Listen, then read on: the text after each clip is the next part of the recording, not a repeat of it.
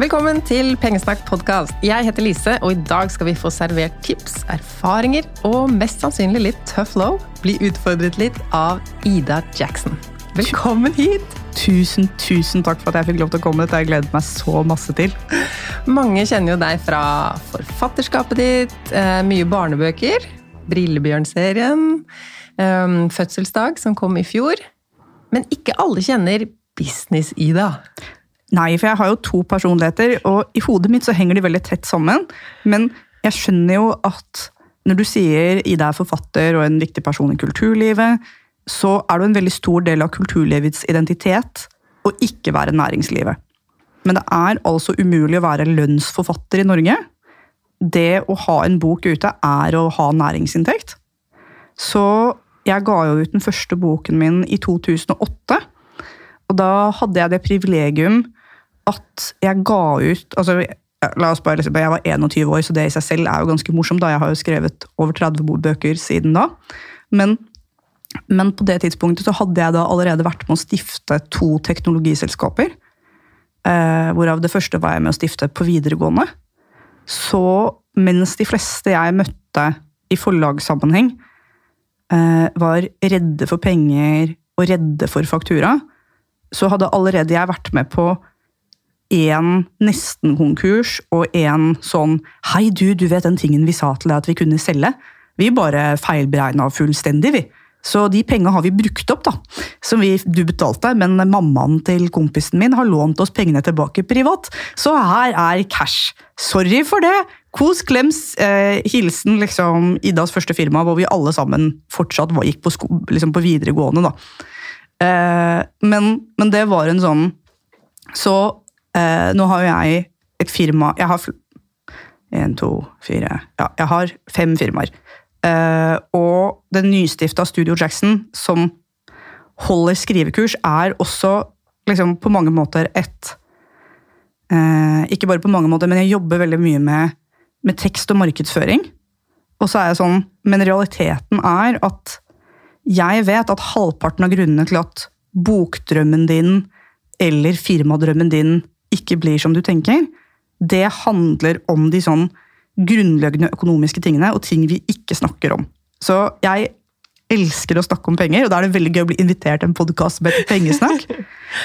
og, og, og, jeg vil at sånn Det er lett å tenke at liksom, økonomien vår er et privat spørsmål. Ikke sant? At det handler om liksom, din bankkonto og ditt kredittkort. Det heter jo til og med privatøkonomi. Ja, ja privatøkonomi. Det er den du har nedi, nedi trusa, på en måte. Eh, det, det, høres litt sånn ut, men, men, realiteten er at når folk sier til meg 'jeg har alltid drømt om å gjøre det her, men det går ikke an', så handler det Det, det handler ikke alltid om penger, men kanskje 70% da, om mm. penger. Så det er eh, Ja. I dag skal vi snakke om å starte for seg selv. Og det er det jo som du sier, mange som drømmer om. Eh, selv var jeg ikke en av dem, men nå som det har blitt sånn, så elsker jeg det hver eneste dag. Kan vi først tenke liksom å gå gjennom din reise fra forfatterspiret til å ha flere AS-ansatte, millioninntekt. Men nå sier du at businessen var med helt fra start, eller egentlig før forfatterskapet? Ja, eh, fordi jeg var jo veldig veldig politisk aktiv. da. Så det som er viktig å vite, er at liksom eh, Altså, jeg var jo, og er jo på mange måter kommunist, ikke sant? Så jeg var veldig aktiv i Rød Ungdom. Og da var det sånn at de skulle sette sammen et IT-utvalg hvor Trond Øgrim var med sånn på tidlig 2000-tall. Hvor man skulle lage revolusjonær programvare og parentes nettside eh, for Party. Og da var det sånn at de satte sammen en gjeng med utviklere som var Altså, det var virkelig sånn, Vi kunne ikke betalt for så bra, for dette var folk som drev gratis med GNU Linux, eh, fri programvareutvikling. Alle sammen har virkelig sånn gått til å bli sånn stjerneskudd i teknologibransjen etter dette her. Men når da denne gjengen her var samlet, og de var sånn ok, her er måten vi skal lage den revolusjonære programvaren på, så sa da landsstyret i Ungdom flott. Eh, vi trenger 50% kvinner for å være vedtaksdyktige. Det var ingen med innovertiss på den lista over folk som brukte all fritiden sin på å skrive gratis kode. Nei. Så da spurte de sånn, er det noen av dere gutter som har en kjæreste. Det var det en av dem som hadde. da, Han het Daniel Jackson, han var gift med meg. Eh, og Da sa de flott, da er Ida første kvinnelige medlem. Da hadde jeg gått tolv år på Steinerskolen og aldri tatt på en datamaskin. Så da fikk jeg laptop og en bok i HTML, CSS og MySQL. Eh, og måtte lære meg å skrive på tastatur. Men du synes, dette tok du på strak arm? Ja, altså For det første så var jeg jo liksom sånn eh, For det første så var jeg på en måte sånn semi-interessert i å lære det, men det viste seg jo fort da, at hvis du har syv gutter som alle sammen er verdensmestere i å skrive kode, og kanskje muligens litt på spekteret, ville vi nok sagt i dag, så er det veldig mange jobber i et firma som ikke er å skrive den koden. Så jeg ble en blanding av sjef og salgssjef, og den som hadde all kundekontakten eh, innen veldig, veldig kort tid. Og det som skjedde når vi begynte på Revolusjonen, og lagde nettsida først, var at alle ungdomsorganisasjonene eh, kom til oss og sa Oi, Rød Ungdom, så flotte nettsider, hvordan kan vi få makene? Og så sa Trond Øgrim det kan du få av oss, det koster masse penger. Eh, For han lærte oss å prissette oss etter kapitalistiske prinsipper, og hans liksom, slagord var alltid 'penga fins'. Eh, så, så det var liksom Men selv før det, så har jo jeg altså som jeg sa til deg før vi begynte, jeg har vokst opp langt under fattigdomsgrensa. Så når jeg var 13 år, så var jeg sånn Jeg må tjene penger, for vi har ingen. Og det første jeg gjorde, var at frem til jeg var 14, så stjal jeg veldig mye. Fordi jeg var sånn, jeg er under den kriminelle lavalderen, så det er jo åpenbart det lure å gjøre. Det er ingenting som kan skje. Og foreldrene mine bryr seg jo faktisk ikke om meg. Så liksom, det verste som de sier, de kan ringe mora di fra kjøpesenteret, liksom. Ja, det hadde jo Hun kommer ikke til å komme, så det er bare å Her er sky's the limit, liksom. Så da stjal jeg veldig masse frem til jeg nådde den kriminelle lavalderen. Og så etter det så begynte jeg med svart vaskehjelp, var min forse. Eh, og så var jeg sånn Det var på en måte bra, men det skalerte litt dårlig. Eh, så da begynte jeg med ansiktsmaling eh, på torget. For deg selv. Eh, for meg selv. Eh, og alt sammen bare foreløpig da liksom penger rett i fòret. Eh, men når vi da hadde syv utviklere eh, og skulle ta imot mer enn 10 000 kroner av gangen, så var jeg sånn ok, nå skal vi begynne med disse tingene. Men jeg hadde jo minus erfaring og ingen å snakke med. Eh, så innen jeg var Når jeg var 22, så hadde jeg da liksom Jeg, jeg begynte jo å blogge fordi jeg var på internett og hang med disse gutta. Så jeg bare jeg kan installere Wordpress, jeg kan lage meg en blogg. Og det var pga. bloggen at jeg fikk bokdeal da, i 2008. Da var jeg, øh, og så øh, gikk det jo med meg som det gikk med veldig mange som begynner å tjene mye penger når de, før de fyller 25. Uh, jeg skjønte ikke hva på kontoen som var mitt, og hva på kontoen som var staten sin, så jeg fikk en skattesmell på 200 000. Oi. Eh, og på det tidspunktet så var jeg sånn, ja. Jeg kan jo ikke spørre foreldrene mine om hjelp til noen ting. Jeg har aldri spurt dem om penger, og fra jeg flyttet hjemmefra Jeg giftet meg jo også for penger, det er viktig å si. Jeg giftet meg på videregående, for da skulle kjæresten min i sivil tjeneste. Og da ville jeg få automatisk borteboerstipend, selv om jeg ikke kvalifiserte til borteboerstipend hvis vi var gift. Eh, fordi jeg bodde ikke akkurat langt nok unna. Og så I tillegg så fantes det da fortsatt en litt sånn antikk ordning for at koner til menn som var i militæret, parentes og siviltjenesten, da fikk litt økonomisk understøtte i denne vanskelige året hvor mannen var borte. Eh, Så da regna vi på det, og så gifta vi oss med en gang og tjente ca. 20 000 i måneden på det ekteskapet. Eh, Så, eh, og det var veldig fint for meg, siden jeg dessverre da sendte en del av de pengene til foreldrene mine. Men, men når jeg da fikk den skattsmellen, så var jeg sånn Ja. Jeg har ingen penger til å betale dem med. Og eh, jeg kan ikke spørre noen om hjelp. Fordi foreldrene mine har minuspenger. Eh, faren min har jo nå mer penger enn han har hatt i hele sitt liv, fordi nå får han jo minstepensjon. Han hadde null i skattbar inntekt fra 1972 og frem til nå. Eh, fordi han har bodd ulovlig i en bu ute i skogen og levd av naturen. Så hvis du lurer på hvor lite du kan klare deg på, så si at du har ikke spist så mye mellestokk og cæsarsopp som jeg har i min oppvekst, altså.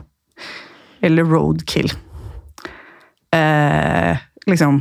Eh, foreldrene mine har mye sånn, sånn Hvordan tilbereder du grevling? Ja. er de eksperter på. Ikke på papiret, da. Jeg har ikke noe papir på noen ting. Men eh, så eh, når jeg, da, Men det jeg konkluderte med, da, når jeg satt der og så på den skatteregninga, så tenkte jeg sånn, ja. Det som er helt sikkert, er at for å ha 200 000 i skattespill, så må du ha tjent mer enn 400 000 kroner. Og den eneste grunnen til at jeg ikke kan betale dette nå, er at øh, jeg har eh, At jeg har brukt opp de 200. Mm. Så konklusjonen min da var ikke å jeg må bli flinkere til å spare eller ha økonomisk kontroll. Jeg tenkte ok, da må jeg tjene 600 000 neste gang, da. så jeg har råd til skatt og den skatten her. Og så skaffet jeg meg en sjefsstilling i Store norske leksikon. Jeg har ingen utdanning. Og hvor gammel var du da? 22. 22. Eh, For å betale skatteregninga, pluss at jeg da fikk en kontrakt hvor jeg fikk lov til å frilanse ubegrenset på foredrag og sånt ved siden av, så det gikk til meg.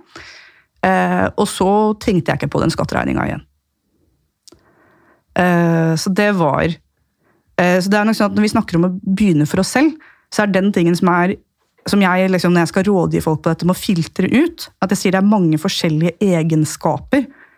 Når du ser noen som, noen som meg nå, da, som har mange selskaper, og så kan du si ok, jeg vil gjøre det. Og så må jeg si sånn, ja, det er flere ulike eh, i, I det å ha en fungerende bedrift, så er det flere ulike ferdigheter. Og en av de ferdighetene er rett og slett bare det å tjene penger utenom, utenom det å få lønn. Ja. Og for mange av oss så er bare det å si det koster så og så mye, eller tenke på hva noen kunne finne på å ville betale deg for, det er en så stort mentalt skifte. Eh, og en så emosjonell prosess at noen ganger så er jeg sånn når folk sier ja, jeg har en drøm om å lage et firma jobbe, hvor jeg skal drive med det som er mitt kall her i livet. Uh, så er jeg sånn, ja, men kanskje du skal prøve å selge litt kattepass til naboene dine først. Så du på en måte bare kan venne deg til at, at, no, at du må si at det koster noe. Og så får du penger på VIPS. Uh, og så er det ikke så mye til å begynne med, men liksom, så du trenger ikke lage noe foretak, for det er liksom under 6000 per ting på hjem, ting hjemme, så trenger du ikke skatte. liksom. Og si sånn, skal du begynne med det? Hun bare, men det er jo ikke det jeg drømmer om, jeg skal lage et firma som handler om å redde havet for plast.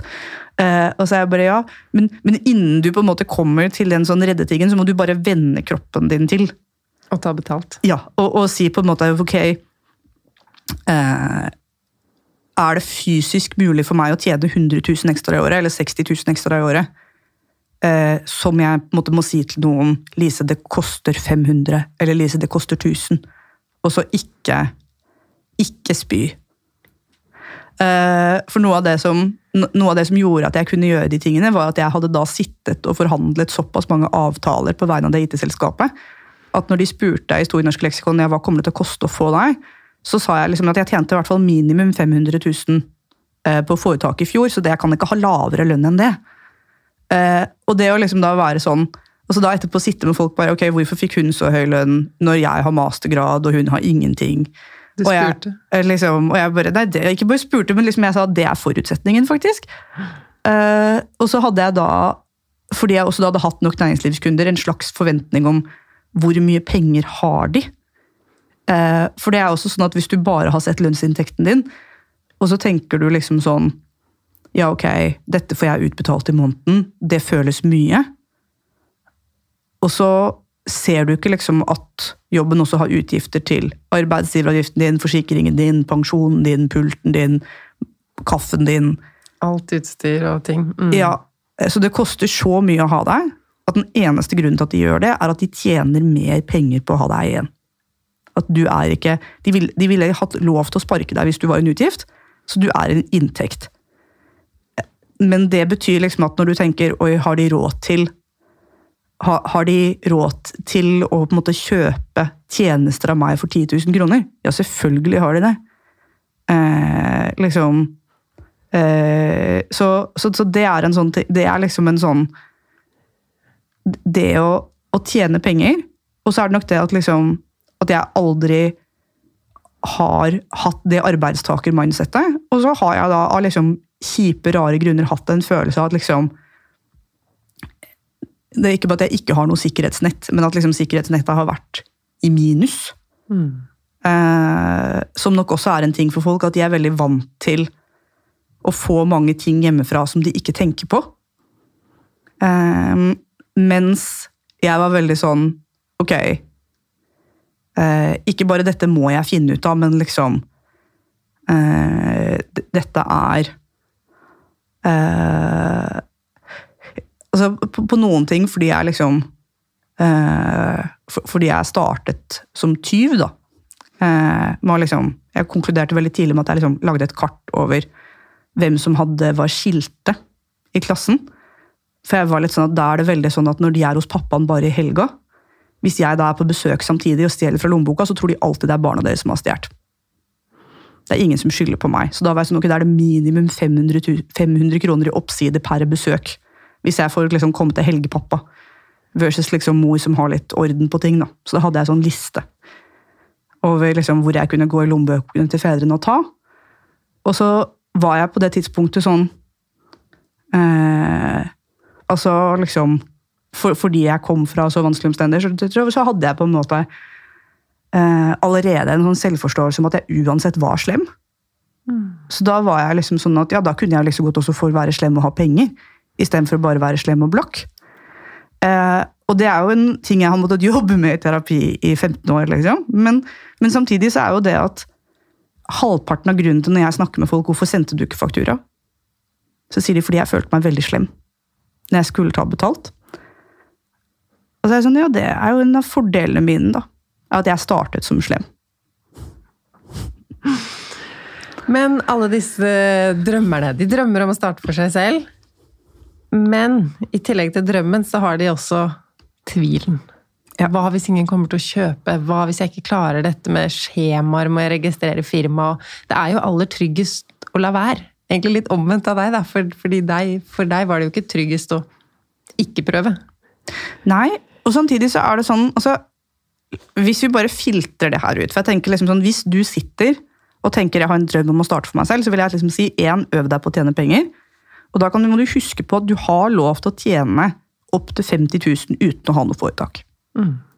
Og hvis det allerede nå føles i kroppen helt sånn «Øh, Tenk om jeg kunne tjene 50 000? Det føles jo helt urealistisk.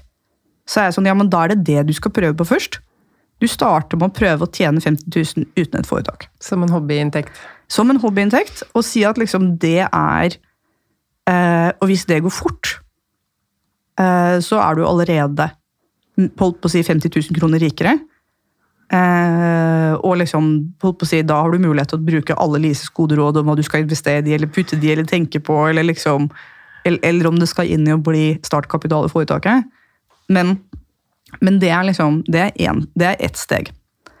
Og så er det det andre steget som er å undersøke litt sånn ordentlig på jobben din. Eh, hvilke muligheter du har i din kontrakt til å jobbe ved siden av, fakturere ved siden av, ta oppdrag ved siden av. Ja, Det er et veldig godt tips. Mange tenker at ja, men da skal jeg si opp jobben, og så skal jeg begynne å jobbe med bedriften min. Men det må være lønnsomt fra dag én. Og det er litt sånn at eh, altså, men for, På mange måter, hvis vi byttet ut for bedrift for forfatterskap fordi jeg har jo folk som kommer til meg og sier min drøm er å leve av å skrive. Og som jeg sier at hvis, hvis du har tenkt på bokskriving i ti år, og så har du vært så nervøs for at det skulle gå dårlig når du først prøvde, at du ikke engang har begynt der, så, så skal du egentlig øve deg på to forskjellige ting. Du skal både øve deg på å skrive bok, og hvis du i tillegg da sier at oh, by the way, så skal det også erstatte jobben min, så øver du deg på to kjempekrevende ting samtidig. Fordi det å skrive bok, og det å selge bok, og det å ha et foretak som du kan leve av med bok, hvor du liksom gjør papirarbeid ordentlig, det er tre ferdigheter. Så, så jeg tenker jo det at hvis du, hvis du har en drøm om entreprenørskap, så ville jeg prøvd så langt det er mulig å tørrtrene på det mens du er på et trygt sted. Fordi det å putte den sånn presset på at by the way, så skal jeg også kunne leve av det eh, Så her er mitt veldig konkrete råd da, til alle eh, som vil gjøre dette her. Og det er som følger. Eh, vi når jeg forteller om min skrekkelige oppvekst, så handler det for å vise noen ting knyttet til dette med sosial reproduksjon. At grunnen til at barn av leger blir leger, og barn av advokater blir advokater, og barn av folk som har store firmaer, lager seg store firmaer, handler om at når du er født inn i noe, så har du veldig mye taus kunnskap om hva folk egentlig gjør. Så hvis du tenker sånn Oi, jeg lurer på om jeg skal bli som Lise når jeg blir stor, og ha min egen podkast, og liksom kanskje en almanakk, og liksom eh, Eller liksom Eller du vil bli som Herregud, som var det Anette Dimmen som har lagd sitt eget klesmerke. Ikke sant? Så kan du faktisk da lage en liste over mennesker som gjør noe som ligner på det du har lyst til.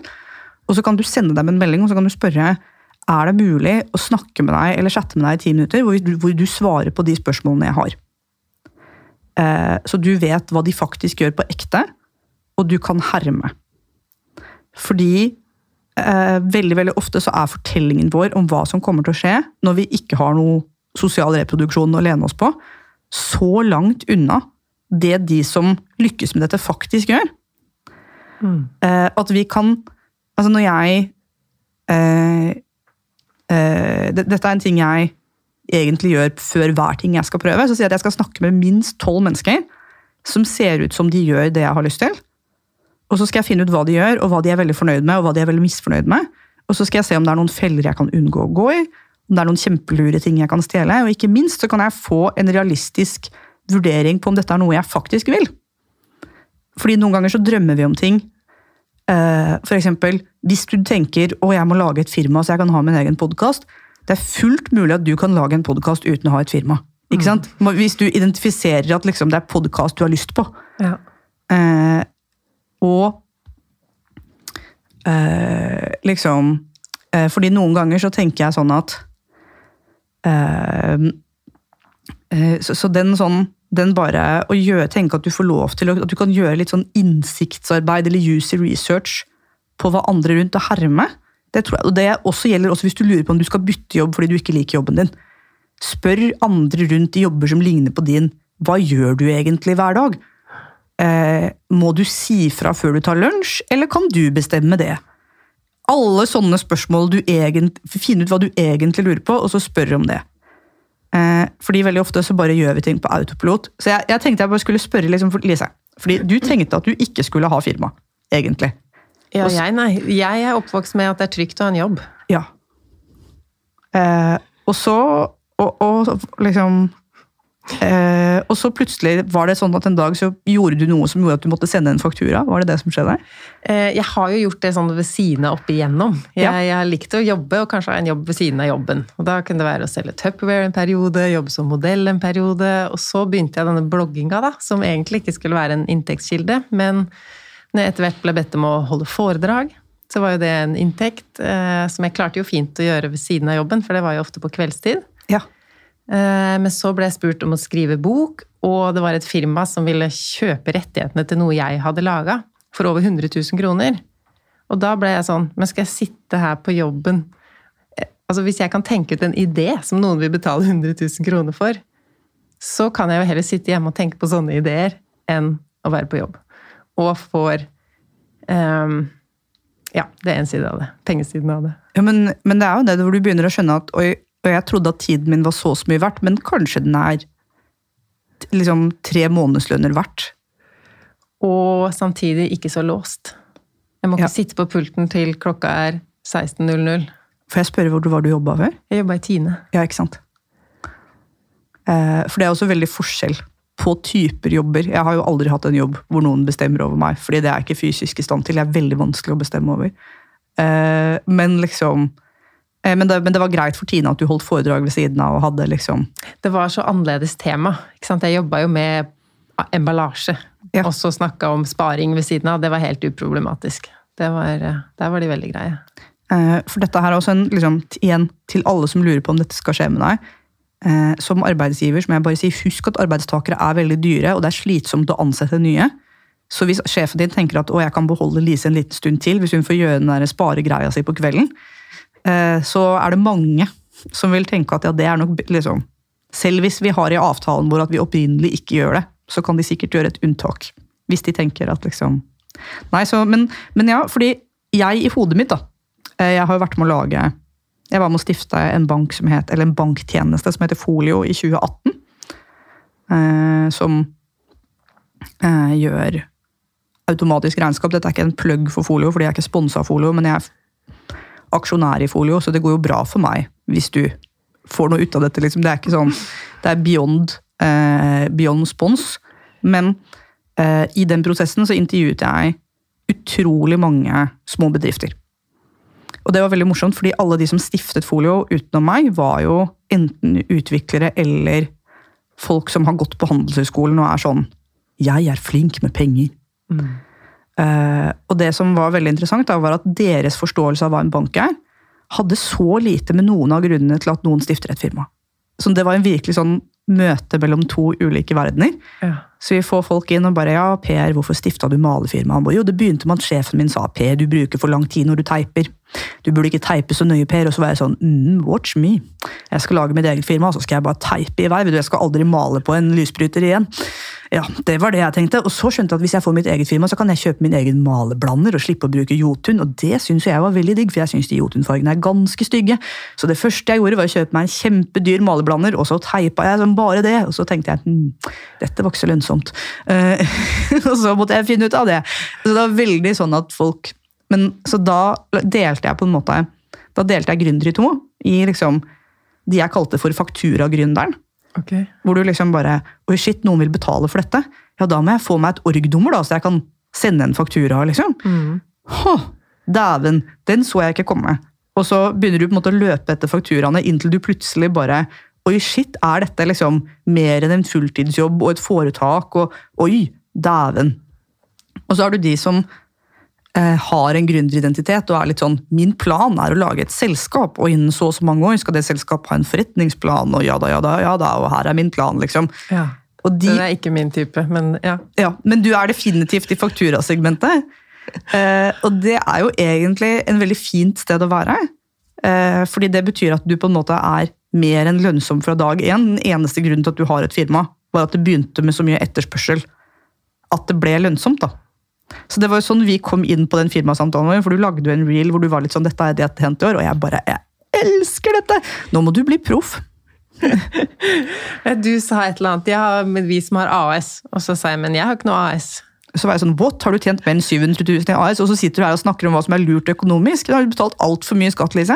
Så I Ja. tillegg har du kanskje spart litt penger på utgiften din til sjappa, så du har skatta ekstra hvis du har liksom kjører samme økonomistyring og ikke investerer i um, ja, nå er du innom to temaer som vi må ta, så la oss ta det første først, da. Ja, fordi la, la Hvorfor trenger jeg et AS? altså, eh, Det er jo enda mer papirarbeid. Ja, men det skal du jo få noen andre til å gjøre for deg. Kjære Gud. Eh, men la oss, ta, la oss ta det første først. Ja. Sånn, én. Um, har du Altså, det, det, det ikke alle skal ha AS, men la oss bare forklare dette. Liksom, sånn på en måte, Nå tar vi det med teskje, så vi tar Ja. som utgangspunkt i at uh, uh, I at de som hører på, ikke vet noe om selskapsformer. Ja. Sånn. Når du, du har nå et enkeltpersonsforetak. Ja. Og når du, når du akkurat levert selvangivelsen din. Og når du har et enkeltpersonsforetak, så er jo det litt sånn at da har du på ditt personnummer, Lise, Ja. en litt sånn næringsutposning, på en måte. Ja. Det fins et org-nummer som er knytta til deg som enkeltperson, eh, hvor vi liksom sier at eh, når du betaler skatt, så har du tjent så og så mye lønn, og så har du tjent så og så mye personlig næring. ja. Alt overskuddet er min, mine penger. Ja. Eh, og den, den vanligste måten å begynne med næringsinntekt på, er gjennom et enkeltpersonsforetak. Men her er tingen med et enkeltpersonsforetak. Én, eh, det kan ikke faktisk vokse over en viss størrelse. Fordi liksom, du kan ikke selge enkeltpersonsforetaket ditt, eller få inn en, en partner i enkeltpersonsforetaket ditt. Ikke sant? Altså, du kan ikke liksom, Kina kan ikke ringe og si 'pengesnakk', for et genialt konsept, det vil vi kjøpe for en kvasillion. Og så kan du være sånn 'beklager, det går ikke', det er knytta til meg som personnummeret mitt. liksom, så det er bare eh, det er egentlig en hobby jeg har her på siden. Men det er jo bare meg òg. Ja. Eh, så, liksom, så på en måte sånn, så du kan si at hvis du tenker at, liksom, at enkeltpersonsforetak har oppstått bl.a. Eh, for kunst, så liksom si at, la oss si at, på en måte at du primært drev med, med maling av bilder. Da. Det er ikke gitt at det nødvendigvis var dumt. Men for å sitere Skatteetaten og Jeg har sittet i møte med Næringsdepartementet om det her, hvor liksom de i flere år har Jeg tror første var i 2018, hvor de sa hvordan kan vi få flere til å slutte å ha enk. Enk er så tett i potta, det er så dumt, vi vil bli kvitt enk. Enk er et eh, trygde- og sosial- og pensjonspolitisk synkehull. Det står på skatteetaten sine nettsider hvis du Fordi du, nå er ditt eneste inntekt av enke, ikke sant? Ja. Ja, Så det er den verste situasjonen å være i. Og her sitter jeg og tror jeg har det helt greit. Ja, ja men altså, altså, du kan si at Hvis du hadde hatt, ja, du hadde hatt en fulltidsjobb i Tine, Ja, og så hadde du tjent 200 000 på enke i året, ja. helt supert. Da hadde du vært fornøyd. Da hadde jeg fått godkjent av deg. Da ville jeg sagt at det var kjempelurt. Ja. Fordi liksom, eh, du tjener fremdeles såpass lite, og du har antageligvis såpass store utgifter til enkeltpersonsforetaket, at du ikke skatter for mye. Og eh, fordi det bare er en sidegeskjeft, så har du ikke noe risiko. Og så har du lønnsinntekten din i bunn. Samtidig så er det sånn at hvis Tine hadde kjørt ned- nedbemanning, så ville alle som jobbet i din avdeling, bare fått dagpengerettighetene og alt de skulle. Mens du ville blitt sortert i en egen bunke hvor Nav ville sagt å ja, du har et enkeltpersonsforetak, du har egentlig næringsdrift ved siden av, du. Dine sosiale rettigheter er litt mindre. Ok. Eh, Så det er en viktig ting å si, er at liksom, hvis du Alt som er knyttet til boliglån, alt som er knyttet til forsikring, alt som er knyttet til dagpenger, alt som er knyttet til foreldrepengerettigheter, blir vanskeligere med enkeltpersonsforetak enn alt annet. Alle andre organisasjonsformer, liksom. Jeg skal ikke si at det er lett å være eneste eier i eget AS, men du har ryddigere juridiske rettigheter. Og det som, så det er liksom Så jeg pleier å si at når, når du har noe som eneste inntekt, og du eh, holdt jeg på å si, jeg antar liksom, bare for, la oss bare for å sjekke altså Hva slags forsikringer har du nå på deg for sykdom og liksom Nei, det er ikke så mye. Ja, ikke sant. Eh, og det er kanskje også fordi du har noen kroniske tilstander som gjør at det er vanskelig å få forsikring, eller at det er dyrt? Eller er det Ja, dyrere enn jeg tenker ville vært lønnsom, så jeg har heller laget meg en strategi hvor jeg sparer opp så mye at det kommer til å gå greit om jeg ikke må jobbe i fremtiden. Ja, men du vet hva som ville vært en enda bedre forsikring? Eh, å levere avmelding og være ansatt i Lise noe, eller holdt på å si pengesnakk noe. Fordi da kan du ringe til Nav og være sånn, ja du skjønner at jeg har de samme rettighetene som alle andre arbeidstakere i den norske staten. Ok, Ikke arbeidsmiljøloven fordi jeg eier selskapet, så liksom eier av selskapet er litt unntatt noen andre regler. Ja. Men i utgangspunktet så er det sånn at den beste forsikringen i Norge heter arbeidsgiveravgift og avmelding. Eh, Fordi vi har en velferdsstat.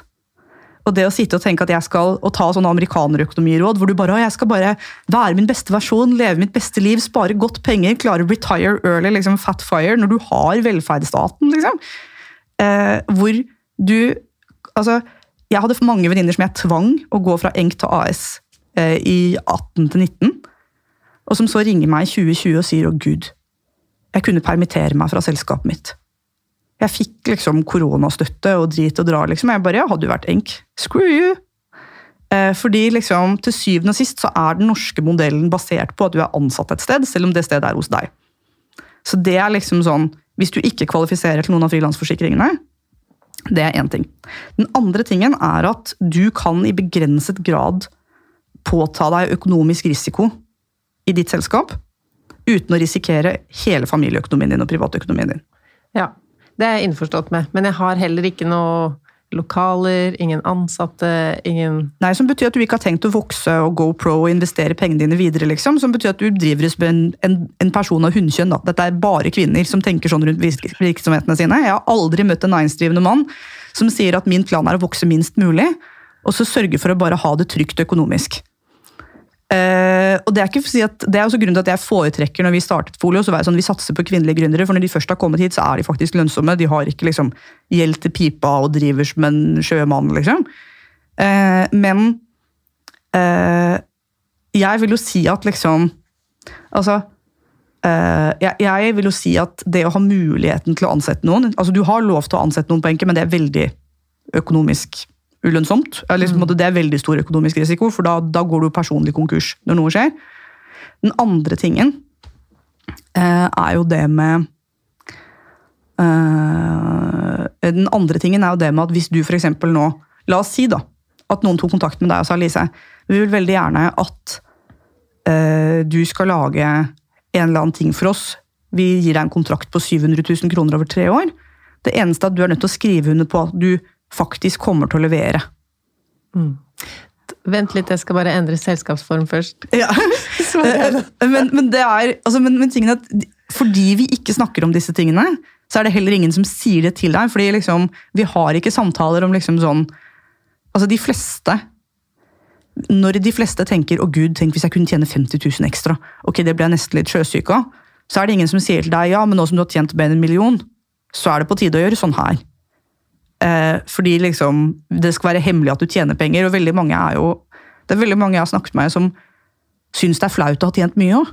Ja, ja, absolutt. For du kjente på det når du delte det, at det er liksom Jeg har jo delt hele veien, på en Ja. måte, så for meg så er det ikke så Men eh, ja, jeg får jo masse meldinger fra folk som har masse penger, men det kan de ikke si, for de vil ikke De er redd for å bli sett på en spesiell måte, da. Ja, og, og det gjør også at vi har veldig få fortellinger om hva som skjer når vi tjener mer. Uh, så uh, Jeg har jo liksom Fordi jeg har vært i disse sånn miljøene hvor man starter opp bedrifter, så har jeg fått veldig mye sånn Ikke bare realitetssjekk, men sånn Oi, shit, ok, er det sånn dere ser på verden? Uh, hvor de bare sånn De bare Ja, jeg var jo som unge gutter flest opptatt av å få størst mulig boliglån. Eh, og jeg bare, hvorfor det? Jeg har alltid tenkt at det beste ville være å være gjeldsfri, så jeg hadde mest mulig frihet, liksom. Og han bare, nei, er du helt dum? Det er jo så utrolig mange skattemessige fordeler med å ha et stort boliglån som privatperson. Ja, så jeg bare fikk meg fulltidsjobb, tok lån til pipa, solgte leiligheten om to år med stort overskudd, så kjøpte jeg en ny leilighet, tok lån til pipa, og nå sitter jeg her på Montobello da, vet du. Um, så det er jo sånn det er, da. Det er jo sånn man kommer seg opp og frem her i verden. Og da har jeg et stort lån, så jeg tok et kjempedigert rammelån på det. Så jeg bare kan investere i vei. Så det er kompisen min han sa nå skal jeg starte, for, øh, starte oppdrettsanlegg for laks. Jeg bare, Det høres veldig lønnsomt ut og ganske skurkete. Ta 200 000 fra boliglånet mitt med en gang, du. Jeg har jo rammelån, vet du. Kan bare investere. Og, og liksom sånn, og jeg bare, ok. Så det er deres verden. Mens liksom jeg da sitter med liksom bare, ok, nå skal jeg satse på å oversette virksomheten min, så det første jeg gjorde var å downsize huset. Og jeg bare, ja, så du, så du skal ha mindre å rutte med i kapital da, hvis du må selge eller bli skilt, eller hva er planen din for å bli skilt, what's that? Liksom, eller hvis noe skjer, og hun bare, nei, det er jo viktig å ha lave utgifter, så jeg kan klare meg med lite og være nøysom. Og jeg bare, ja, det er det ingen jeg kjenner med mye penger som har sagt ever. Det er ikke sånn man, man sparer seg til fant, liksom. Så nøysomhet er eh, altså, nøysomhet er ikke like lønnsomt som å lære seg å faktisk tjene spenn. Eh, så, men for å fortsette på Enk AS-tingen, da. Den andre grunnen til at du skal gjøre det, er at dette, dette handler om skatteplanlegging. Så når du skatter på Enke, så er det jo da sånn at du skatter men, altså du skal, Siden det er forventet at du skal ha en del utgifter som du skal trekke av, så er skattesatsen nesten 40% av det du får inn. Men jeg har nesten ikke noe å trekke fra. Det er jo kjempedumt, da betaler du kjempemye skatt. Hvorfor trekker du ikke av ting? Du burde ha avisabonnement. Dataen her, jeg så at du ikke hadde abonnement på DN. Jeg bare, det kunne du bare tatt på sjappa. Betaler du ekstra skatt, liksom? Ok, Når du men kunne dette her er det flere som har lurt på, så la oss ta det her litt nøye. Fordi det får jeg ofte høre. Ja, du har så og så mye i omsetning, og så er resultatet bare bitte litt mindre, fordi det er så få kostnader i firmaet. Hvis jeg hadde hatt masse kostnader i firmaet, så ville jo overskuddet mitt blitt mindre. Men Selv om jeg hadde betalt mindre i skatt, jeg skjønner det, ja, men da hadde jeg jo hatt mindre penger igjen nå. altså, men du ville fortsatt da altså Her er tingen. Eh, Fordi på Enk Men jeg så har det kjøpt dataen min her på firmaet, altså. Ja, det er veldig bra. Og du har ikke, ikke kjøpt den brukt på Finn, så du ikke får en kvittering, liksom. Eh, Eller lån bøker på biblioteket som du uansett trenger til reference. Eller liksom altså, Men, men eh, på Enk så blir dette På eng så blir dette klønete. Fordi det liksom er begrenset. altså Du må skatte av ting i år uansett. Ja. Sånn ish. Altså, du kan kanskje skrive ned over to år, men la oss si da at du har en bestselger neste år. Ja. Og så får du halvannen mil i royalty ja. så må du skatte av den i år. Eh, mens hvis du har AS, Mm. så kan du reinvestere. Eller bare putte rett i altså Grunnen til at aksjesparekonto fins, handler om at mens du må flytte overskuddet ditt til aksjesparekontoen, og så er det en kapitaltransaksjon som går inn og ut, så kan du i prinsippet eie aksjer i AS-et ditt og flytte det inn og ut mellom indeksfond. Og ikke skatte av det før du tar det ut som utbytte. Ja. Eh, så eh, hvis du tjener mer enn 700 000 i året, så vil jeg si at summene du begynner å bruke på skatt på enk, er helt sånn Altså, jeg får vondt i min indre høyremann som, som, som kommunist, liksom. Eh, mens eh, alt dette kunne du ha investert til kapitaløkning og å gjøre selskapet ditt bedre og proffere. Hvis du hadde hatt det i ASE. Men hva skal jeg bruke de pengene på? Hvordan kan selskapet mitt bli bedre og proffere ved at jeg Vel, sløser leverte, penger? du, leverte du selvangivelsen selv? Ja da. Eh, fordi realiteten er at altså for- Fordi du tjente nå tjente du halvannen mil. Ish. Ja. Eh, Så hvis du da hadde tatt tiden på deg selv gjennom uka, her er tiden Lise jobber, så kan du se at noen av de aktivitetene tjener du mye penger på. Noen av de aktivitetene tjener du ingen penger på. Det stemmer. Alt du ikke tjener penger på, setter du bort til noen andre på lavere timepris enn deg selv. Hvis du kan tjene 10 000 kroner på en time, og så kan du betale noen 250 kroner timen på å gjøre det her, så spyler jo du egentlig penger ned i do når du gjør oppgaver du til 250 kroner timen, eh, som du kunne tjent 10 000 kroner på. Jeg spyler mange penger ned i do, og det er jo fordi at de oppgavene jeg gjør som jeg ikke tjener penger på, er jo det som jeg syns er det gøye. Eh, så, så du likte å booke podkast med meg, da? At du tok den utvekslinga sjøl? Det var kjempegøy å liksom ha frem og tilbake og finne tidspunkt med meg, liksom. Var det det gøye? Eller ville det vært gøy hvis noen andre hadde gjort det, så kunne jeg bare kommet inn? For det er jo en typisk oppgave. Som liksom booking av gjester, eh, svaring på e-poster som ikke er relevante, eh, DM-admin på Instagram, eh, alt som har med regnskap, kvittering, you name it å gjøre. Allerede her så er vi begynner vi å snakke om liksom, kanskje liksom, en, en 10% stilling, da. Som du kunne frigjort og enten brukt på fritid og gøy, som også da på en måte lader deg, siden det er du som er det eneste asset i firmaet, ergo veldig viktig å beskytte. Kanskje du kunne trent på den tiden, eller liksom gjort et eller annet som på en måte investerte i deg og din kapital for mer energi. Eller at du sa at den 10 jeg nå frigir på noen som på en måte kan tjene helt vanlig lønn, eller selv hvis du på en måte gir dem en raus frilanstakst, da, eh, så kan du tjene inn mer. Eh, for det er jo liksom Så for meg så er det sånn hver eneste gang jeg ser deg dele noe sånn hvor du bare, ja, sånn kan du liksom gå gjennom alle tingene dine og finne brukt og spare. Og jeg bare, men det her ser ut som det kommer til å ta masse tid. Og på den tiden, altså jeg fakturerer jo 70 000 kroner for en dag hvis jeg liksom holdt jeg på å si, bruker et dagsverk på noe. Så hvis jeg kan tjene 70 000, så går det helt greit hvis jeg taper liksom typ, jeg vet ikke, 1000 kroner i måneden da, på at jeg ikke har gått gjennom de forsikringsgreiene. liksom. Eh, det gir jo Kanskje jeg kan betale noen Så jeg tenker jo alltid hvordan kan jeg betale andre for å frigi tid til meg, så jeg kan gjøre flere lønnsomme ting. Eh, og det betydde f.eks. at jeg betalte noen for å kjøpe alle bursdagsgavene i fjor. Så det var jo da i hvert fall 1000 kroner dyrere per liksom, på en måte, time gjort enn om jeg skulle gjort det sjøl. Ja. Men da tjente jo jeg tre millioner kroner ekstra i fjor fordi jeg liksom kunne jobbe mer med de tingene som var innbringende. Eh, så det var jo veldig sånn Og det er jo eh, Så det å tenke på at tiden din og energien din, det er så verdifullt. Jeg er så heldig som får lov til å sitte her og snakke med deg. Men det betyr at alt du gjør i selskapet nå, som ikke tjener penger og ikke gir energi, det er egentlig som hvis du ser for at du, hadde, hyra toppleder til Statoil, og så kommer du inn og de bare 'Jeg bare fikser printeren for alle de ansatte. Jeg vaska litt under bordet her. Var litt usikker på hva jeg skulle bruke tiden min på.' liksom. Det er liksom på det ledelsesnivået her.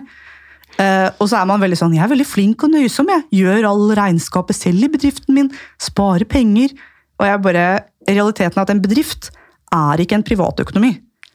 Uh, Så hvis du nå hvis du genererer 100 000 ekstra i overskudd, som du så investerer enten i et nytt produkt eller en ting Det kan være du taper penger på det, men altså, liksom, jeg har i hvert fall hatt Altså eh, altså Nå har jeg i hvert fall én investering hvor jeg skjøt inn 200 000, hvor jeg får ut to millioner. Eh, og det er jo fysisk umulig å få til hvis du ikke har 200 000 å putte i kassa et eller annet sted. Men samtidig, som gutta rundt bordet sa når vi investerte disse tingene, jeg bare tar det på Bank Norwegian-kredittkortet mitt. Jeg. Eh, fordi jeg stoler så mye på meg selv. Eh, og realiteten er liksom at jeg kan jo alltid tjene mer uansett. Mm. så nå bare trekker jeg kredittkortet og later som jeg har spylt ned i do.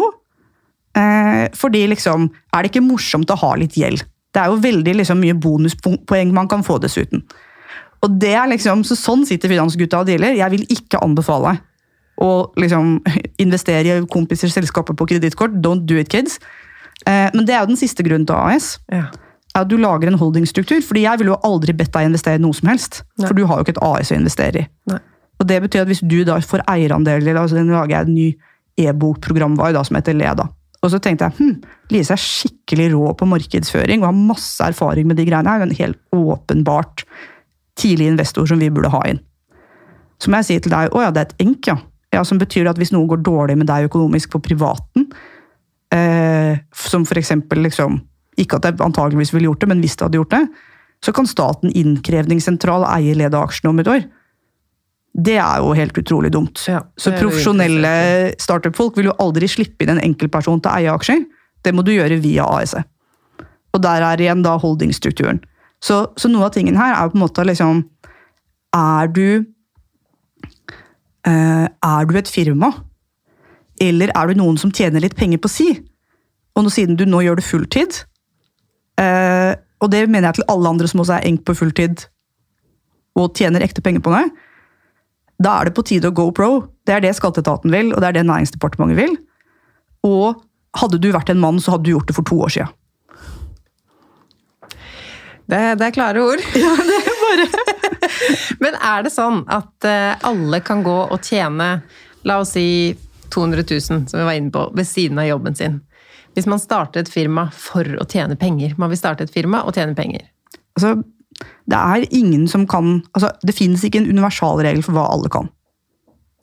Eh, men en ting som er veldig viktig for meg å få sagt, og det er at hver gang noen sier 'Å, ja, men jeg gjorde sånn her', og så sier man 'Ja, men alle kan ikke gjøre det, det er urettferdig'. Jeg bare, Verden er veldig urettferdig. Jeg har en mann som ikke kan gå. Han sitter i rullestol.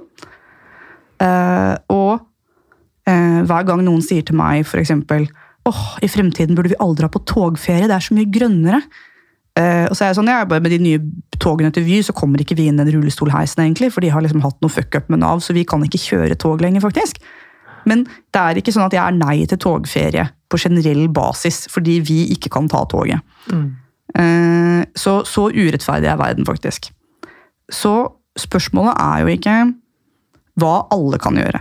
Men det, alle, det jeg mener at alle kan, er å spørre seg selv eh, Fins det noen ting jeg er veldig god på, som andre betaler penger for?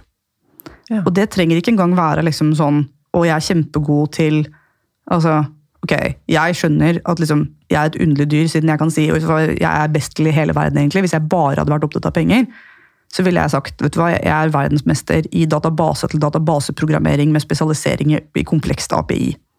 Hello, Google. Det er det jeg ville gjort, liksom. Hvis det bare var penga som drev meg. Eh, og så er det åpenbart ikke det, men liksom Ikke alle er spesialist på det. Nei. Men eh, jeg har jo masse folk som Jeg har i perioder nå hatt seks folk som jobber i huset vårt. Det er også en annen ting som er veldig viktig å gjøre. Slutt å gjøre ting som andre kan gjøre bedre enn deg for mindre penger. Hvis du igjen da, en Lise her kan tjene halvannen million på arbeidstiden sin, håper hun ikke bruker masse tid på å vaske ting. Ikke sant? Det er veldig dårlig betalt. Uh, hvis målet er penger. Akkurat det jeg gjør. Uh, ja. I motsetning til meg, da, som bruker Eko renholdt, veldig ryddig og fint vaskefirma, ordner det. Eh, men jeg har jo også da folk som f.eks. i dag skal jeg verken hente eller levere sønnen min i barnehagen. Det har jeg betalt noen for å gjøre. Jeg er en veldig hyggelig person som gjør det fast. Eh, for det frigir mye tid på liksom, møter. Ikke alle har lyst til å sette bort det. Jeg syns det er veldig komfortabelt eh, å kunne gjøre liksom, det på logistikken, f.eks. Eh, og det er jo da Så selv om du tenker oi, kan jeg tjene 200 000 ekstra i året? Ja, også hvis du uansett henter og leverer noens bar i barnehagen med dine egne barn, og du har plass til en ekstra unge, og det er noen der som er toppleder i et eller annet firma, og logistikken ikke går opp på hjemmebane, og de sitter og teller på knappene burde vi ha au pair, eller trenger vi egentlig bare hjelp med aks, henting på aks?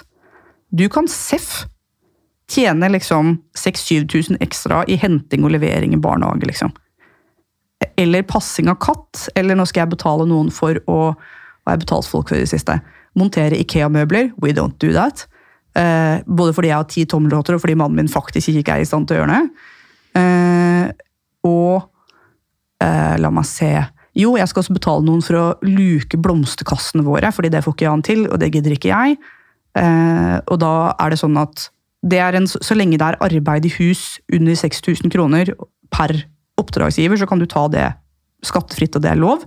Dette er også en av statens strategier for å bli kvitt enkeltpersonsforetak som orgform til slutt. er Det gjør det lettere og lettere å gjøre småjobber uten å levere en hel næringsoppgave. Eh, så hvis du kan passe katt, hente barn og luke, så kan du helt fint tjene 100 000 ekstra i året på det. Eh, og det gjelder liksom eh, Og samtidig, så det jeg tenker, da Dette er liksom Bourdieu-ting, ikke sant? at du har ulike typer kapital. En kapital som jeg har funnet på, det finnes sikkert en sosiologisk artikkel om det, men eh, altså Bourdieu deler opp liksom, Man snakker om kulturell kapital. Det har jeg mye av nå, fordi jeg kjenner mange folk i forlagsbransjen. Liksom, så jeg kan komme her og liksom på en måte si ja, som de sa, eh, lakader i dag, bla, bla, bla. Eh, liksom imponere folk kulturelt. Så har du økonomisk kapital, som er penger på konto. Du har sosial kapital, som er hvem er det du kjenner. En god sosial kapitaltest er f.eks. er du i stand til å kjøpe marihuana. Eh, er, Jeg veit ikke hvem jeg skulle spurt. nei, ikke sant? Eh, Sosial kapital litt lav. Eh, for, altså, men, ja, men Dopsalg er en veldig godt eksempel på det, hvor du bare sånn eh, Det er, er fysisk umulig å google seg frem til på internett Ja. hvordan kjøpe kokain, men kjenner du noen som kjenner noen som kjenner noen, som kjenner noen, så får du til det. vet du. Eh, så det er liksom Men sosial kapital er også sånn Blir du invitert på fest med kongen? Enda ikke skjedd. Eh, nei. Eh, jeg har eh, Ja. Jeg, jeg ble invitert på fest med kongen og skjønte det ikke da jeg var 23.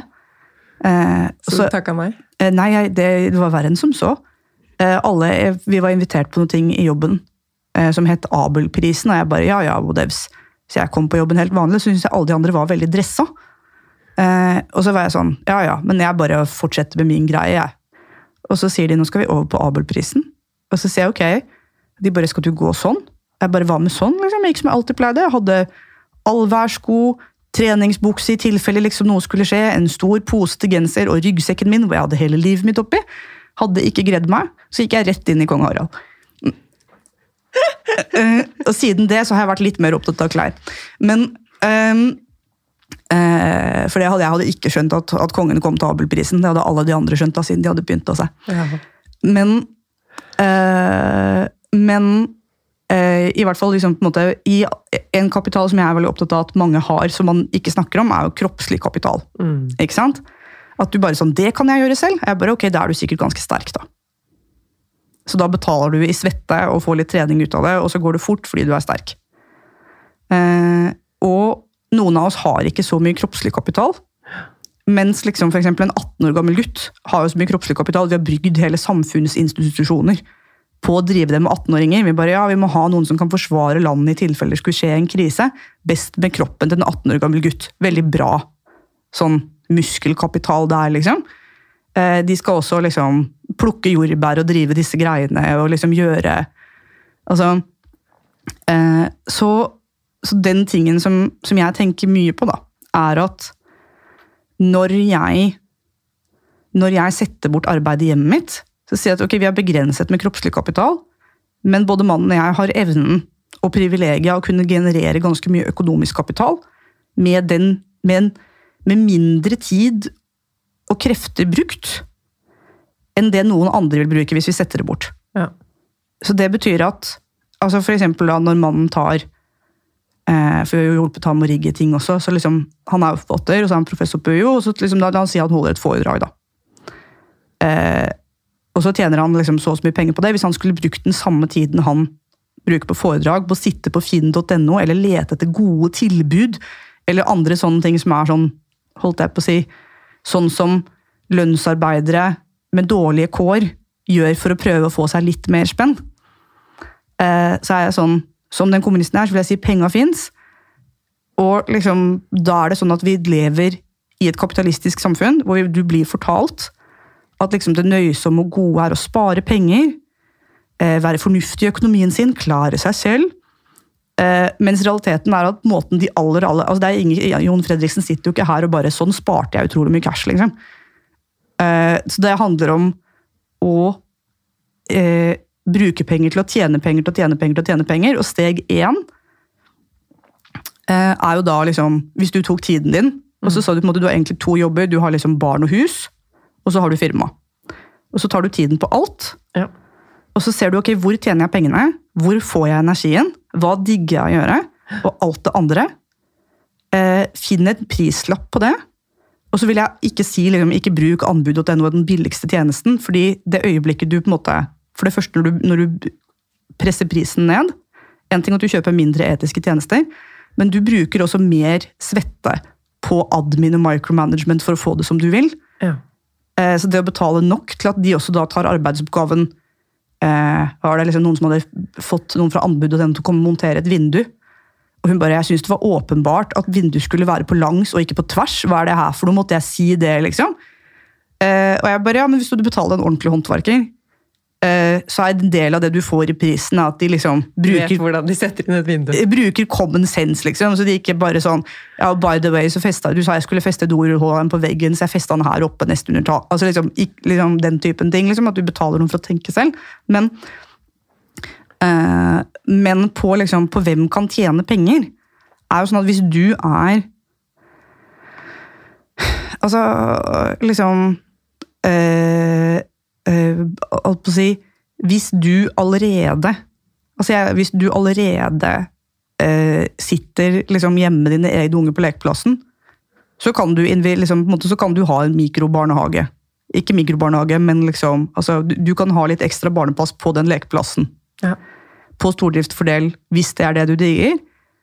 Eh, eller på den omvendte siden av det, hvis du er så god med Nav-skjemaer nå, etter å ha vært gjennom hele uførekverna og virkelig liksom dug down on it, så kan du eh, holdt jeg på å si, både ikke liksom ikke selge dine tjenester som sosionom, men si at vet du hva, jeg kan faktisk sitte og chatte med deg og trøste deg mens du fyller ut det skjemaet du nå har utsatt et halvt år. Så kanskje det finnes noen, en økonomisk oppside på den andre der. Så det er mange muligheter hvor, hvor penger fins. Eh, men det er jo ikke det samme som å stifte AS og investere i andre selskaper. Men det er den samme mentaliteten. Men sånn i firma, da. Ja. Hvis det, man skal ansette noen, eller man skal ha en partner eller en investor, eller hva ville vært det første du hadde gjort? En assistent eller en partner eller en eller annen som kan noe bedre enn det jeg kan? Eller en investor? Ja, Så det første jeg ville tenkt med firmaet ditt, er at Ok, Lise. Nei, jeg tenker du på mitt firma igjen. Ja. Jeg tenker på ditt firma. Eh, fordi eh, det første vi skal gjøre, er at vi skal ta en sånn hvit mann-øvelse på verdsettelse. Eh, for at du skal skjønne hva slags verdier du har. For du vet omtrent hva huset ditt er verdt, selv om du ikke har tenkt å selge det. Ja. Så, måten, Nå har jeg vært med i ganske mye kjøp og salg av selskaper. Så en vanlig sånn tommelfingerregel for verdsettelse altså Hva antar du at du kommer til å tjene i år, neste år? Eh, I 2022 Ja. 750 000. ja. Mindre enn i fjor? Why is that? Ja, mange grunner. Ja. Eh, fordi liksom eh, det er liksom, for da ville Det var den lønnsomheten jeg ville sett på først. Men måten du regner ut, da, hvis du tok de halvannen millionen i fjor, Ja. og så sa at utgangspunktet vårt er at du kommer til å tjene ca. det samme hvert år, Ja. så ganger du det med åtte. Åtte. Ja. Ja. Eh, som er da åtte, Åtte år fremover. Neste år, Da regner du det de neste åtte årene fremover. Mm. Og så sier man at selskapet er da verdt I tilfellet her, liksom da, jeg er dårlig hoderegning, men liksom da liksom Hvis du er La oss si du, vi anslår litt dipp siden du har en dipp i år, så si ca. 9 millioner kroner, da. Mm. Så det å da si at Lise, du har generert en verdi gjennom ditt fantastiske arbeid og entreprenørskap på internett til ca. 9 millioner kroner. Hvis du skulle investert i den verdien til 9 millioner kroner, slik du nå investerer i å pusse opp og passe på huset ditt, som er verdt omtrent kanskje det samme, kanskje litt mer, Litt mer. ja. Eh, ikke sant? Fordi du på en måte både har liksom skjøtta det godt. Altså Du sier ikke liksom sånn 'Å, vi har fukt i kjelleren'. Ja ja, det var dumt, skal ikke gjøre noe med det. Nei. Man tar det på alvor. Man tar det på alvor. Så hvis du da tar, hva skjer hvis du tar firmaet på samme alvor? Det sier at jeg har denne verdien til 9 millioner kroner. Ja. Hvis jeg jobber med det litt, så blir det kanskje en verdi til 20 millioner kroner. Mm. Det er det jeg har klart å bygge. Og så må vi feire deg og si de fleste nystarta firmaer starter tjener ingen penger. Mm. Du er mer enn break-even. Du er helt rå. Takk, takk. Eh, ja, men det er altså, Jo, men jeg skjønner hva du mener med å ta det på alvor eller ikke, fordi det er jo bare det jeg gjør, på en måte. Jeg hadde jo aldri en forretningsplan eller en strategi for vekst eller inntjening. Ting har jo bare skjedd, og jeg har gjort det jeg trives med, og det har vist seg å være lønnsomt, så jeg har ikke på en måte sett behovet for å legge en plan for å tjene mest mulig penger. Nei. Og samtidig så kan vi da si at ok, Det høres veldig slapt ut. ikke bare veldig slapt ut, men, men hvis du tenker på hvor mange som sitter og grubler på hvordan skal jeg tjene penger, hvordan skal selskapet gå med penger, så har du likevel du har funnet product market fit, du har break even. Eh, dette er megabra. Så hva derfra? Så det første er da på en måte å tenke at du stifter AS. Jeg har da lagd noe som heter Dette er igjen ikke en product placement, men jeg har da lagd noe som heter stiftemaskinen.no. Som er den enkleste Det er en del av folioproduktet, men også da på en måte en, en freebie og en salgstraktefolio. Eh, hvor du rett og slett bare kan opprette AS-et ditt eh, på ti minutter. Brønnøysund bruker eh, Tjenesten er helt gratis. Du kommer til å bli spurt om å få en foliokonto på slutten. Eh, Du kan selvfølgelig velge å gå til en annen bank, men foliokontoen får du med en gang. Konto for AS under etablering, hvis du får- ber DNB om det, tar to uker.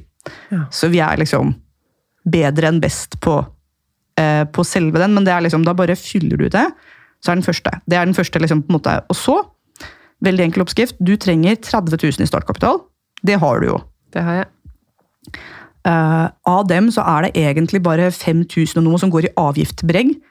Resten som går inn som startkapital, uh, det er uh, egentlig penger du kan bruke som du vil. Så når folk sier at det koster 30 000 å stifte AS, det gjør det ikke. Det koster 5000 og noe, og resten er da penger du kan bruke. Du må bare ha litt. Ja. Resten av pengene du skyter inn, skyter du ikke inn som aksjekapital. Det, da skriver du en privat låneavtale mellom deg selv og selskapet. Og så låner du resten av pengene på konto du skal ha til drift og til lønn til deg selv, til AS-et. Allerede her så merker jeg at dette bare høres så avansert ut. Altså eh, Fortell om den følelsen. Hva, hva blir skummelt? Det blir skummelt å være redd for å gjøre noe feil. Det er som å sitte på skattemeldingen, og så ser du et sånt nummer, og så tenker du ja, det er sikkert den, men hva hvis det er den andre her? Ja, og Vet du hva som skjer hvis du fyller ut feil i skattemeldingen? De spør om jeg har gjort det riktig, Ja. eller i god hensikt, eller noe sånt. Ja, ikke sant? Så det er ikke som de ringer Økokrim og bare dun, dun, dun, We're coming to get you. Eh, Så det verste som kan skje i Er at liksom, de sier oi, det står noe her på reindrift, stemmer det at du tjente på reindrift, eller var det noe annet? ja, fordi Vanligvis Det har du ikke pleid med det, så du, ofte så er det noe, sender du inn noe annet papir når du kjøper reinsdyrlise. Så jeg bare det- sjekker, liksom. Ja. Altså, Jeg hadde et firma som leverte tollmeldinger på mitt org-nummer ved en feil. ja.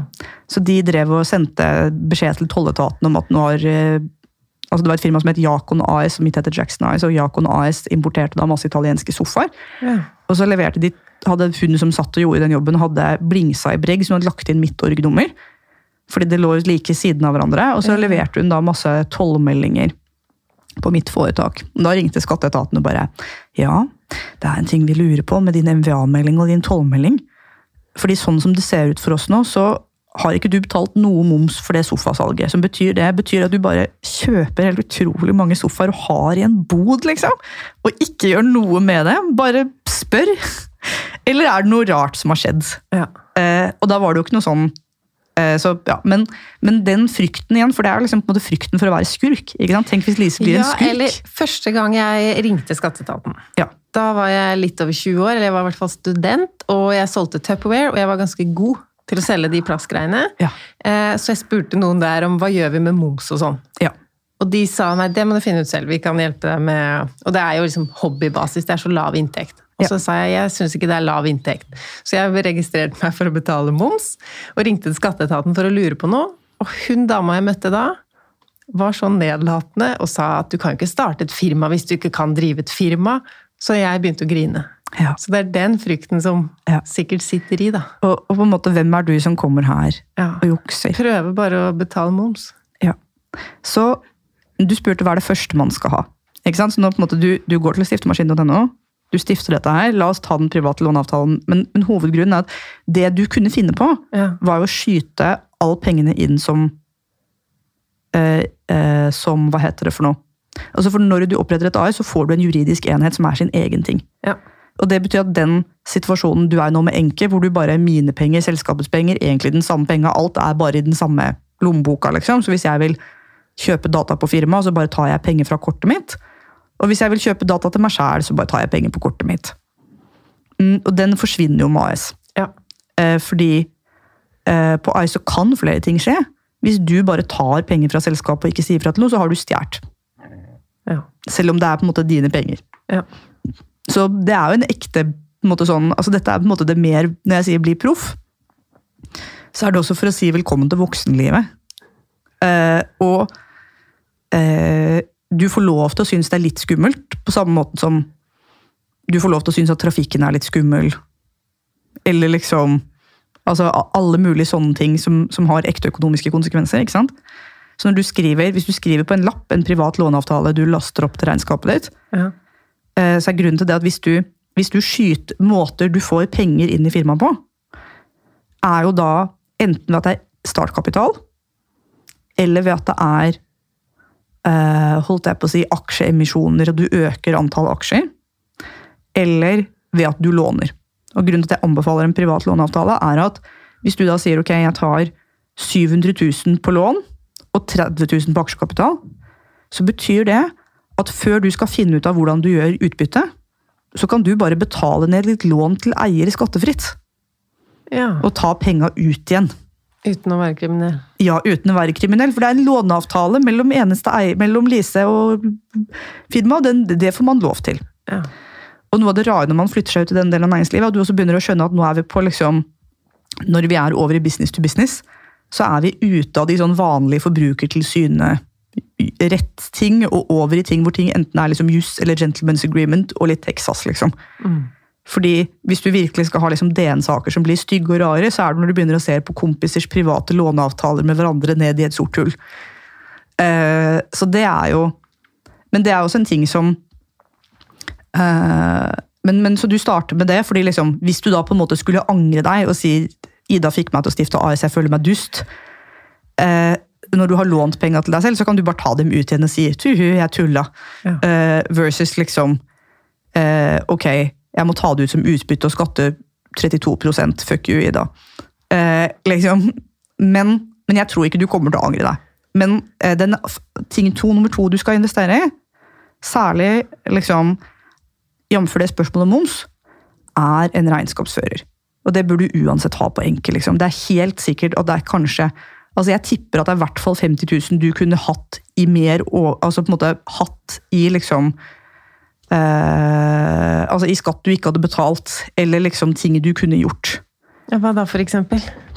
Nei, altså eh, Holdt jeg på å si eh, eh, Altså ting som ville gjort jobblivet ditt mer komfortabelt, da, ikke sant?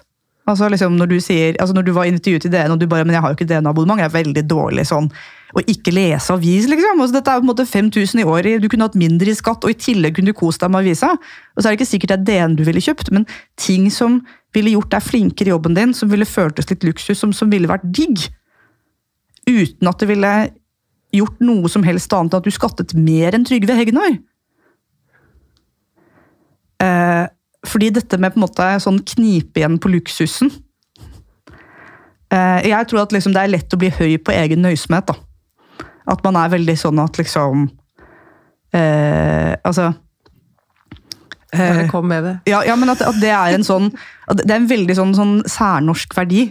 Mm. Eh, hvor folk sier til meg liksom sånn ja, men jeg er veldig stolt av at jeg klarer dette selv, og jeg kan gjøre det liksom, med nesten ingen penger. og liksom eh, Alle de tingene er. Og jeg bare ja, men eh, Når jeg sier til deg at liksom Altså når du i prinsippet eh, kunne kjøpt liksom Altså eh, Holdt jeg på å si en, eh, en liksom lengre skriveferie eller liksom på en måte styremøte med deg sjæl på Farris bad som hadde vært superdeilig, og det eneste som ville kommet ut, var mindre skatt i den andre enden.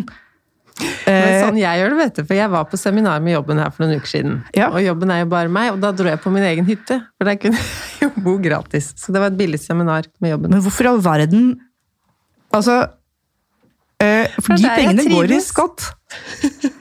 Uh, I tillegg da så mener jeg jo også på en måte Du bodde jo ikke gratis. Du betaler jo fortsatt ting på hytta di. Mm. Dette er igjen Hvis dette hadde vært et AS, eller hvis du på en måte hadde behandlet enket ditt ordentlig økonomisk, så hadde du Hadde ditt firma leid hytta og betalt leie for ditt opphold på hytta.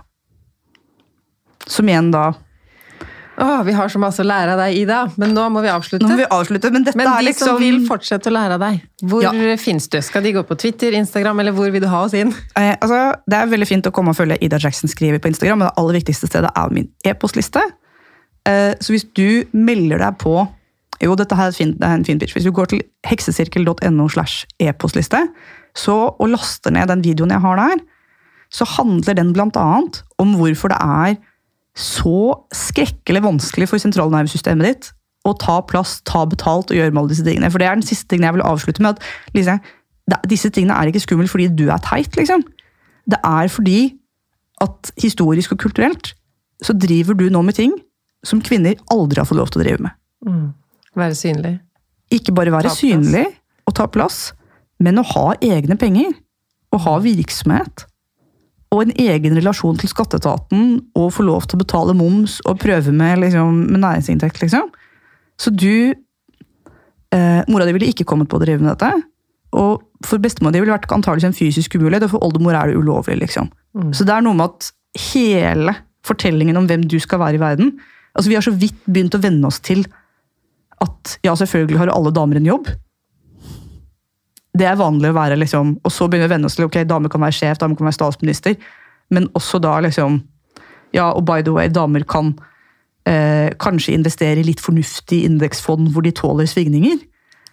Eh, men, men disse tingene er liksom, så, så hvis du går til heksesirkel.no, så får du liksom, du kommer på nyhetsbrevet mitt, vi henger sammen, men også da får du en video hvor jeg snakker om den sånn De kroppslige grunnene til at, at det føles skummelt, og at det ikke er noe galt med deg. For det er veldig lett når jeg bare sånn Ok, burde ikke liksom alle, liksom, La oss snu på alle disse fortellingene. Eh, men det er ikke noe galt med deg. Altså eh, vi, vi blir fortalt at det snille og lure er å bruke minst mulig ressurser, ta minst mulig plass og leve et mest mulig nøysomt liv. ikke sant? Eh, mens det å bygge en bedrift er å si ok, hvordan skal jeg kunne vokse og ekspandere disse tingene så eh, økonomien vokser og man liksom, måte, verdiskapningen i samfunnet vokser, og flere kunder kan få hjelp av dette, og alt det betyr. Og snu opp ned på alt vi er blitt fortalt om at, liksom, hva som er snilt og lurt å gjøre. Eh, Så neste gang så foreslår jeg eksempel at du betaler litt mindre skatt for firmaseminaret ditt. eh, Som du da har ikke engang, Du har ikke spart penger på det. Det er det som er tingen. Du har rett og slett bare du, har, altså, du kan faktisk gå i skatteetaten og så kan du si til skatteetaten jeg vil gjerne skatte 1% mer enn det som er vanlig.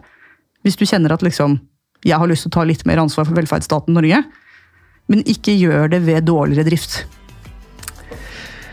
Takk, Ida. Takk for besøket og kloke ord og små kjenneprekener. Jeg har fått litt å tenke på, og det tenker jeg lytterne, både de som allerede driver for seg selv, kanskje på min måte, og de som har en drøm om å starte for seg selv. Takk. Og heia!